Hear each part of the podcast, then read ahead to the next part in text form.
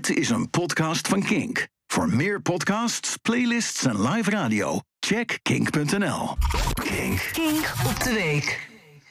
In Zuid-Limburg werden afgelopen week de A2 en de A76 afgesloten omdat regenwater de weg bezette. Ik snap het, maar ik denk ook, hey, regenwater, is dit echt de beste manier om je punt te maken?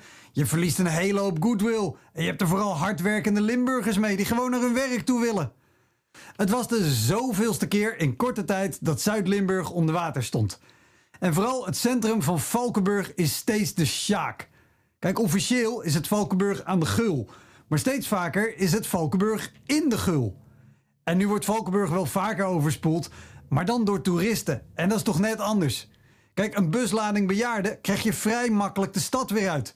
Die vluchten namelijk als sneeuw voor de zon wanneer je achter een boom gaat staan en het geluid van technologische vooruitgang nadoet. Aziatische toeristen reizen zelf al snel door, want die moeten na Valkenburg nog naar Maastricht, Aken, Keulen en dan zit via Praag en Helsinki de dagtrip er op en dan is het snel terug met de bus naar Londen. Overtollig water krijgen ze maar niet snel genoeg afgevoerd. Dat komt omdat de kademuren van de Gul te hoog zijn en dan blijft het water in het centrum staan. Maar ze mogen niet simpelweg een gat in die kademuur maken, want dan stroomt al het regenwater de Gul in en dat mag niet van het waterschap. Regenwater in een rivier. Echt waar.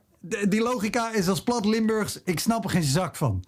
En ik heb een zwak voor Limburg in het algemeen en voor Valkenburg in het bijzonder. Want met die smalle straatjes, die kasteelruïne en heuvels, het voelt gelijk alsof je in een klein stadje in het zuiden van Frankrijk loopt. Maar dan zonder dat je Frans hoeft te praten. Echt een win-win situatie. En vroeger was Valkenburg een populaire vakantiebestemming voor Nederlanders. Tot het eind vorige eeuw steeds goedkoper werd om met het vliegtuig op vakantie te gaan. En opeens werd het voor de massa betaalbaar om naar een echt Frans stadje te gaan, maar dan zonder al die Duitsers om je heen.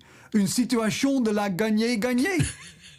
En het vliegen steeds goedkoper werd, kwam onder andere door de wereldwijde afspraak om op vliegtuigbrandstof geen belastingen te heffen. En nog altijd betaal je meer belasting voor 1 liter euroloodvrij dan voor een volle tank kerosine van een Boeing 737. Vette pech voor Valkenburg en Limburg in het algemeen. Want dat was al de tweede keer dat zij het slachtoffer waren van goedkope fossiele brandstoffen.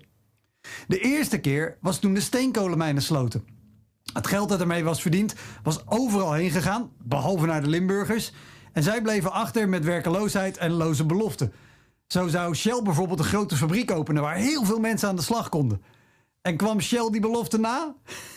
Shell no. En nu is Limburg opnieuw de pineut dankzij goedkope fossiele brandstoffen. Want die zorgen voor klimaatverandering en daardoor is er steeds vaker extreme regenval. Met wateroverlast en overstromingen als gevolg.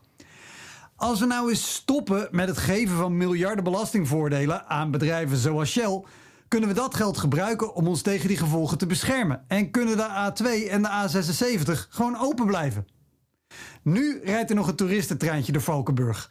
Maar als het zo gaat, doorgaat, moeten ze die vervangen door een rondvaartboot. En in plaats van koelkastmagneten voorkomen ze dan zwembandjes en snorkels. En als je buren naar Limburg gaan en jij geeft de planten water, krijg je voortaan als cadeautje een t-shirt met de tekst: My friend went to Valkenburg and all I got was this lousy wet t-shirt. Bedankt voor het luisteren naar deze Kink podcast. Abonneer je op deze podcast via de Kink app en wees altijd op de hoogte.